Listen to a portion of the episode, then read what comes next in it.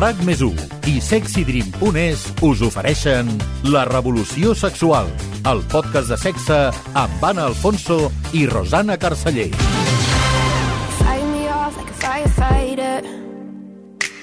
So tell me why you still get burned. You say you're not, but you're still a liar. Cause I'm the one that you run to first la meitat de les dones tindran almenys una infecció d'orina al llarg de la seva vida. I a més, es calcula que una de cada quatre dones en té com a mínim una cada any i que un 7% en té més d'una. Són dades del Centre d'Informació de la Cistitis que també diuen que tenir relacions sexuals multiplica el risc de tenir infeccions recurrents. Les infeccions d'orina poden ser lleus, però també poden arribar a ser molt doloroses i incapacitants. Hi ha dones que en tenen moltes, d'altres que no n'han tingut mai, i també algun home que n'ha patit, tot i que és molt menys freqüent. Avui parlem de les infeccions d'orina amb Lorena Serrano, metge especialista en ginecologia i obstetrícia de l'Institut Català de la Salut i màster en nutrició i salut de la dona, que acaba de publicar també el llibre Conócete bien, cuídate mejor, amb l'editorial Planeta. Lorena, benvinguda a la Revolució Sexual. Moltes gràcies. En primer lloc, què és exactament una infecció d'orina? Fem la base. Sí, les infeccions d'orina eh, succeeixen quan hi ha un bacteri que entra dintre del tracte eh, urològic, no?, a través de l'uretra, i de partir d'aquí pot arribar a la bufeta i provocar la cistitis, o pot ascendir a nivell dels ronyons provocant una pielonefritis. La cistitis i la infecció d'orina són el mateix? O sigui, cistitis com a tal és, és la paraula que utilitzem per referir-nos a la inflamació de la bufeta de l'orina. Aquesta inflamació a vegades és causada per una infecció, però altres vegades no. Hem recollit el testimoni d'algunes dones que han patit infeccions d'orina. Ara escoltem el testimoni d'una oient que ens explica com és la sensació de tenir-ne. Jo vaig començar a patir-ne que devia tenir uns 24 anys, potser abans, i la primera sensació que tens és com de cuissó, no? que vas al lavabo i tens cuissó i no saps, no saps de què és. Com que no saps què és, no, no, no ho has tingut mai, ho deixes passar fins que bueno, vas al lavabo i, i fas pipí i, tre i treus sang. No? Llavors això, jo al principi bueno, doncs em deien tens una infecció d'orina, com que ja et diuen el que tens i et quedes tranquil·la, vale, què he de fer? Doncs mira, pren aquests antibiòtics. La cosa és que em van començar a ser molt recurrents i molt doloroses, fins al punt de que hi havia moments que, no, que a la nit no, no podia dormir, no? Del, del mal que tenia, cada cinc minuts en el lavabo... Era una angoixa de, de ostres, quan pararà això, quan em pararà de fer mal, que estàs pues, assegut al lavabo amb ganes de, de fer pipí, però sense fer pipí i amb mal, no? És, és una sensació molt, molt, molt angoixant. No? És el que descriuen moltes dones a consulta, suposo, no, Lorena? Sí, ho ha explicat perfecte. De fet, el que, els símptomes principals d'una infecció d'orina, quan no és complicada i és, és només a la zona de la bufeta de l'orina, eh, és el que diem un síndrome miccional. Vull dir, tenim un augment en la freqüència urinària, anem moltes vegades al lavabo, però com ha dit l'oient, moltes vegades anem i és que quasi no tenim, no tenim pipi, no?, per aquesta inflamació que hi ha. A més a més, també tenim aquesta sensació d'incomoditat, de pes a la zona suprapúbica, eh, aquesta urgència moltes vegades també, no?, d'haver d'anar com corrents al lavabo i després no poder-ne fer. Realment és, és molt incòmode. I hi ha dones per les quals és molt dolorós. I ella també ens explicava que va començar a tenir-ne una i al final va acabar sent molt recurrent. Això per què passa? Clar, les infeccions d'orina a la dona, de fet, són bastant, bastant freqüents. Realment eh, tenim un risc alt de tenir-ne per, per un tema anatòmic i, i a més a més està molt relacionada amb, amb la freqüència de, de les relacions sexuals. No? Per això el primer pic d'incidència el tenim entre els 16 i els 30 més o menys, que coincideix amb aquest moment d'inici de les pràctiques sexuals, i després hi ha un altre segon pic al voltant de la menopausa per un tema més de, de microbiota vaginal, de falta d'estrògens, etc. Per tant, les causes de la infecció d'orina serien aquestes? Quines diries que són les diferents causes?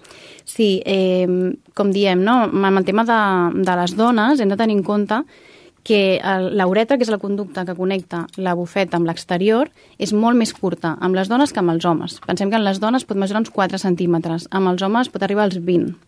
I clar, eh, si el trajecte és molt més curtet, és molt més fàcil que aquelles, aquells bacteris que es troben a tota la zona eh, genital puguin ascendir, entrar a l'uretra i causar la infecció. Pensem que a la zona genital perianal tenim la microbiota fecal. Són enterobactèries, les més freqüents són l'Escherichia coli, amb el 80% dels casos, que es troben de manera natural en aquesta regió i en el cas de la dona, per exemple, és molt fàcil que ja no només en les relacions, sinó que aquestes, aquests bacteris ascendeixin i entrin, arriben al vestíbul a l'entrada de la vagina, però també ascendeixin i entrin per l'uretra. Però si és una cosa física que afecta totes les dones, eh, com és que n'hi ha algunes que no n'han tingut mai i d'altres que en tenen sempre?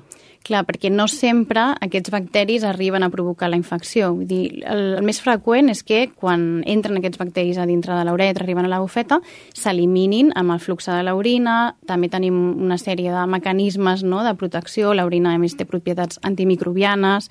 També tenim pues, una sèrie d'immunoglobulines A, de polimorfonuclears, un sistema de defensa a la bufeta que ens permet evitar aquestes infeccions però a vegades eh, es produeix o una colonització, és a dir, aquests bacteris queden per aquí, però no produeixen símptomes, o una infecció, que hi ha una lesió de l'epiteli basical, i aquí sí que pot passar aquesta infecció. Hi ha factors genètics que depèn de cada persona, que els dona certa predisposició per patir infeccions d'orina, i després doncs, també hi ha altres factors, com per exemple és el que dèiem, la pràctica de... O sigui, la, les relacions sexuals són el principal factor de risc per infeccions d'orina en les dones premenopàusiques. També s'ha vist, per exemple, que l'ús d'espermicides, l'ús del diafragma, també pot augmentar el, el risc, i bàsicament són aquests. I per què el sexe provoca infeccions d'orina? Clar, perquè és, quan tenim relacions sexuals, no, especialment quan hi ha el coit, és molt fàcil que aquests bacteris que colonitzen de manera natural eh, la zona perianal, aquesta microbiota fecal, pugui arribar a l'uretra i entrar. La higiene excessiva dels genitals pot afavorir també la, les infeccions? En part, sí, de manera indirecta sí, perquè al final un dels mecanismes que tenim nosaltres per defensar-nos de les infeccions vaginals, també de transmissió sexual, és la microbiota vaginal. Són aquests lactobacils que de manera natural estan a la nostra vagina i que ens protegeixen de diverses maneres. No? Entre aquestes formes el que fan és eh, generar un ambient àcid a la, a la vagina. Aquesta és una de les portes com d'entrada no, de, dels bacteris d'aquesta regió que us deia perianal. I moltes vegades, si tenim un bon sistema de defensa, ja no ens arriba a l'uretra. Quan aquesta microbiota està molt debilitada, no? per exemple, això ens passa a la menopausa. A la menopausa, per culpa del dèficit d'estrògens, tenim una microbiota molt menys variada i és més fàcil que aquests enterobacteris puguin ascendir a, a l'uretra causant infeccions d'orina. Hem parlat amb una oient que ens explica que ella ha agafat un parell d'infeccions d'orina a causa d'haver pres antibiòtics. Doncs jo la veritat que en els meus 32 anys de vida només n'he tingut tres cops. Sí que van ser, les recordo, bastant doloroses, més que doloroses, molestes. Em picava moltíssim i tenia la sensació de, de que cremava Relacionades amb el sexe, diria que només una d'aquestes tres vegades, ja que a mi les infeccions que m'han donat ha sigut a causa de prendre antibiòtics, m'han baixat les defenses i m'han donat les, les infeccions. I la tercera vegada sí que crec que va ser a causa sexual, ja que la meva parella i jo la vam agafar a la vegada per tenir relacions a l'aigua. Uh, això sí, sempre intento tenir cura d'orinar de, després de tenir sexe, de rentar-me, per intentar prevenir això. Ella ens diu que la seva parella, que és un noi, també va agafar infecció, però això és molt poc freqüent, no? Exacte. Realment les infeccions d'orina en els homes són molt poc freqüents i, de fet, nosaltres quan fem la classificació de les infeccions del tracte urinari eh, diem si són complicades o no complicades. Les no complicades són les que tenim la majoria de les dones, no? Dones no embarassades, sense anomalies funcionals o anatòmiques de l'aparell urogenital. Eh, aquestes són infeccions normals i corrents, la cistitis. Dintre de les infeccions complicades, a part de les gestants i de persones que tenen patologies, tenim els homes també. Hem rebut un missatge d'una oient que ens diu des que tinc relacions sexuals, que tinc infecció d'orina, en un any n'he pogut arribar a tenir 25 i sempre relacionades amb el sexe. I diu, vulgarment parlant, un polvo, una infecció. Fa 15 anys que estic casada i això afecta moltíssim les nostres relacions sexuals. És un cas molt extrem de que cada vegada que té relacions sexuals té infecció, però això, clar, pot arribar a condicionar molt la vida sexual, no? Sí, sí, evidentment, a més que les infeccions d'orina són molt molestes. La qualitat de vida disminueix molt. Qui l'ha tingut ho sap. I sí que és cert que sí, si tenim una freqüència sexual alta i en aquest cas aquesta dona té una predisposició, doncs és habitual que, que, bueno, que, que pugui tenir infeccions. Totes vegades 25 a l'any són moltíssimes. En aquest cas seria interessant valorar opcions profilàctiques. De fet, aquesta, aquesta oient també ens explica que té un amant amb qui ha tingut molt de sexe i que amb ell no té infeccions d'orina.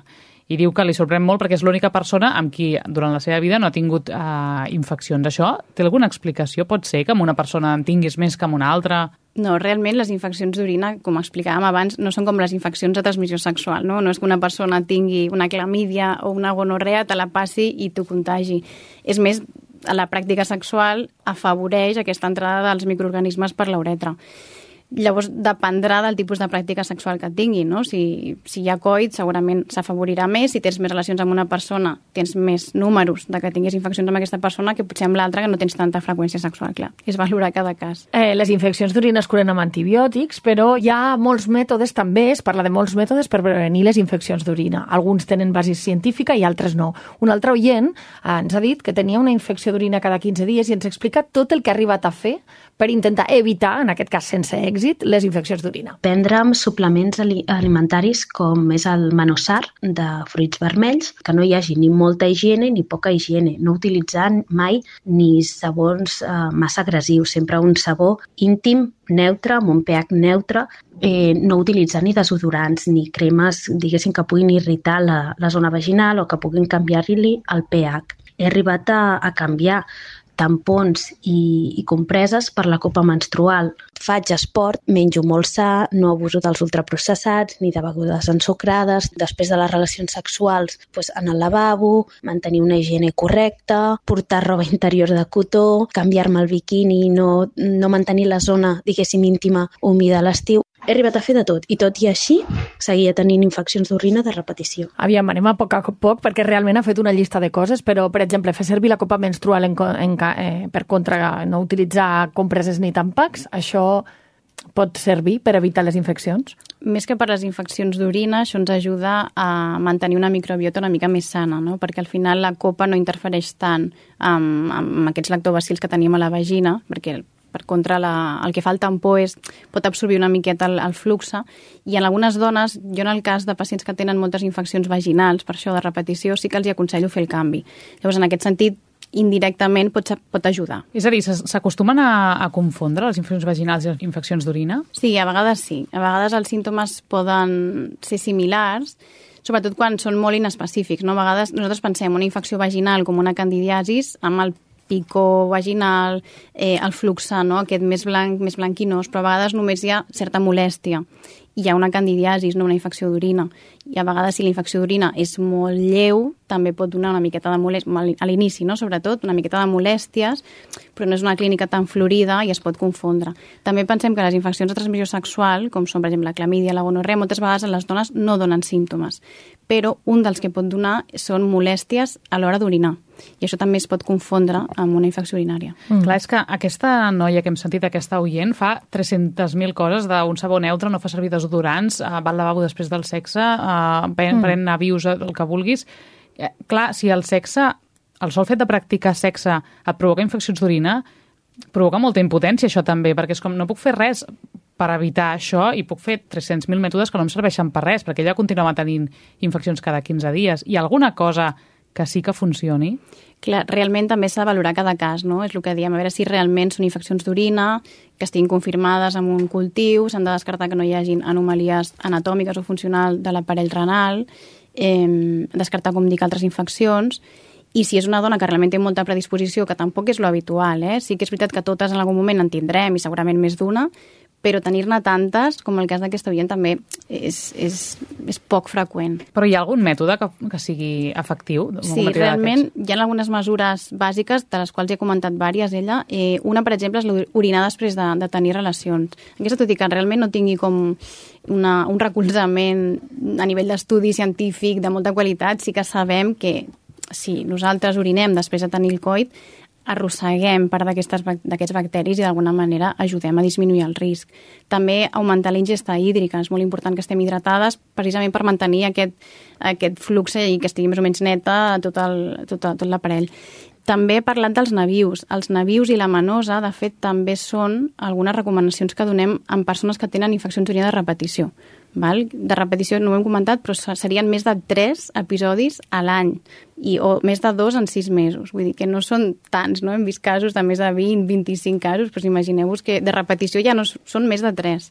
En aquests casos sí que sabem que el mecanisme, per exemple, que tenen els navius és que són rics en una substància que el que fa és inhibir uh, l'adhesió dels bacteris a la paret vesical de manera que fa, és com una motxilla que es pengen els bacteris i que fa que aquests no s'enganxin i els arrosseguem. Altres coses que ha dit, per exemple, portar roba interior de cotó. El cotó pot, pot ajudar més que no pas uns altres teixits, que no hi hagi infecció?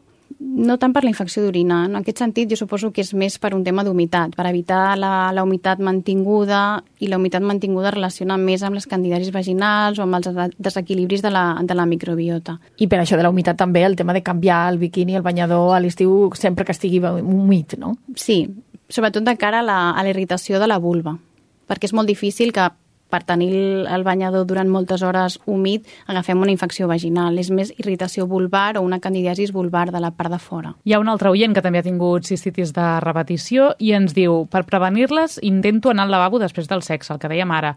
També bec força líquids abans, abans de la relació sexual, Uh, I seguint les recomanacions de la llevadora, quan sóc per casa no faig servir mai calces i faig servir un sabó íntim amb pH neutre.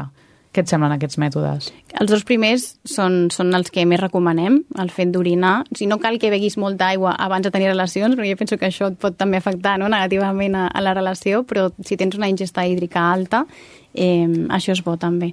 Respecte a les altres eh, opcions que ha comentat, no és que siguin mesures que recomanem de manera generalitzada, però sí que si són pacients que tenen tendència a aquests desequilibris de la microbiota sí que els pot ajudar. Tinc infeccions d'orinar sovint, dos a l'any seguríssim, que va relacionada molts cops si després, o sigui, després de la regla o fins i tot en moments d'estrès.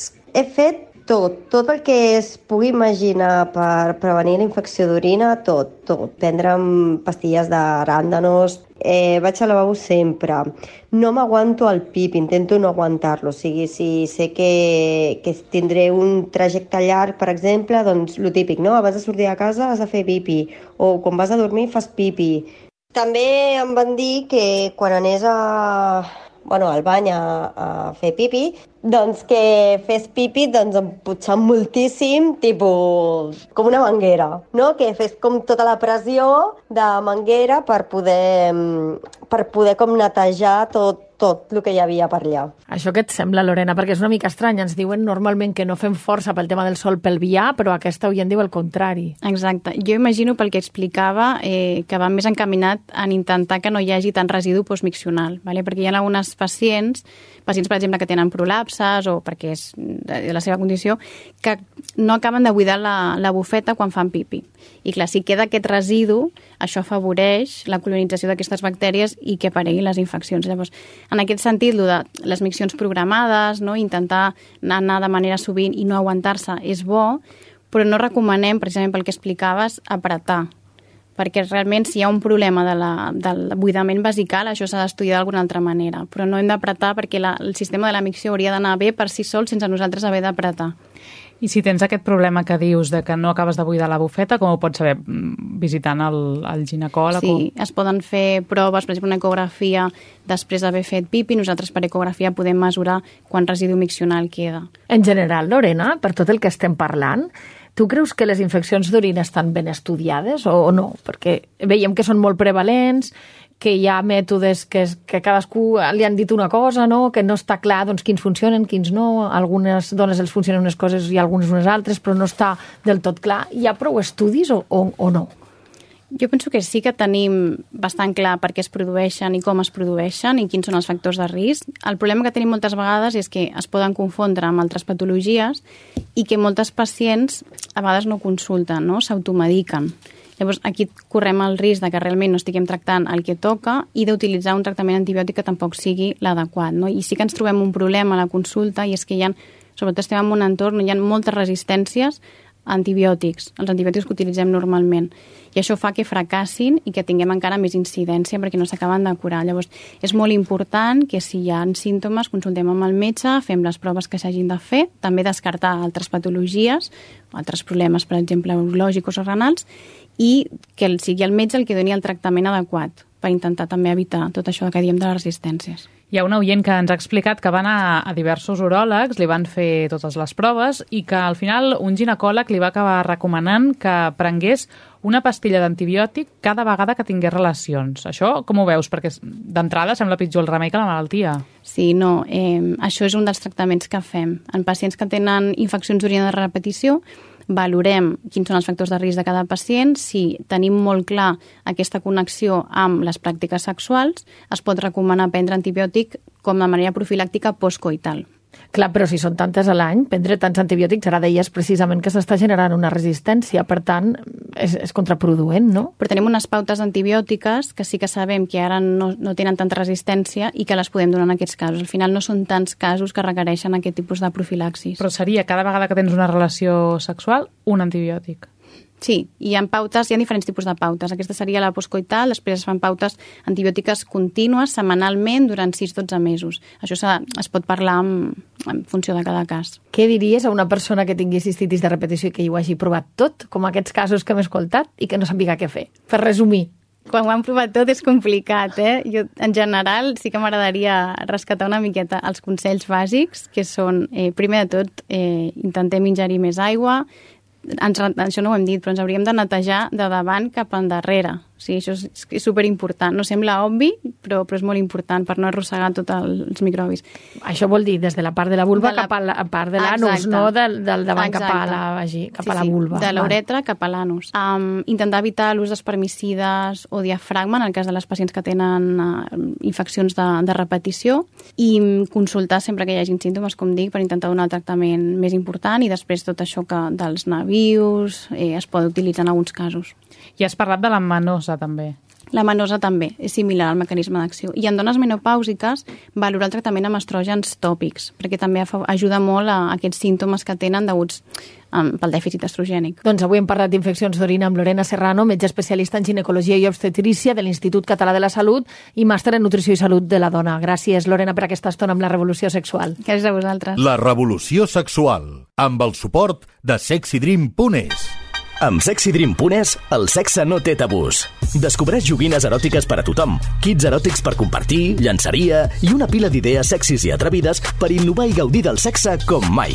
Compra a sexydream.es i rebràs la teva comanda en 48 hores. No esperis més i obre la porta al plaer amb sexydream.es. Ara estic amb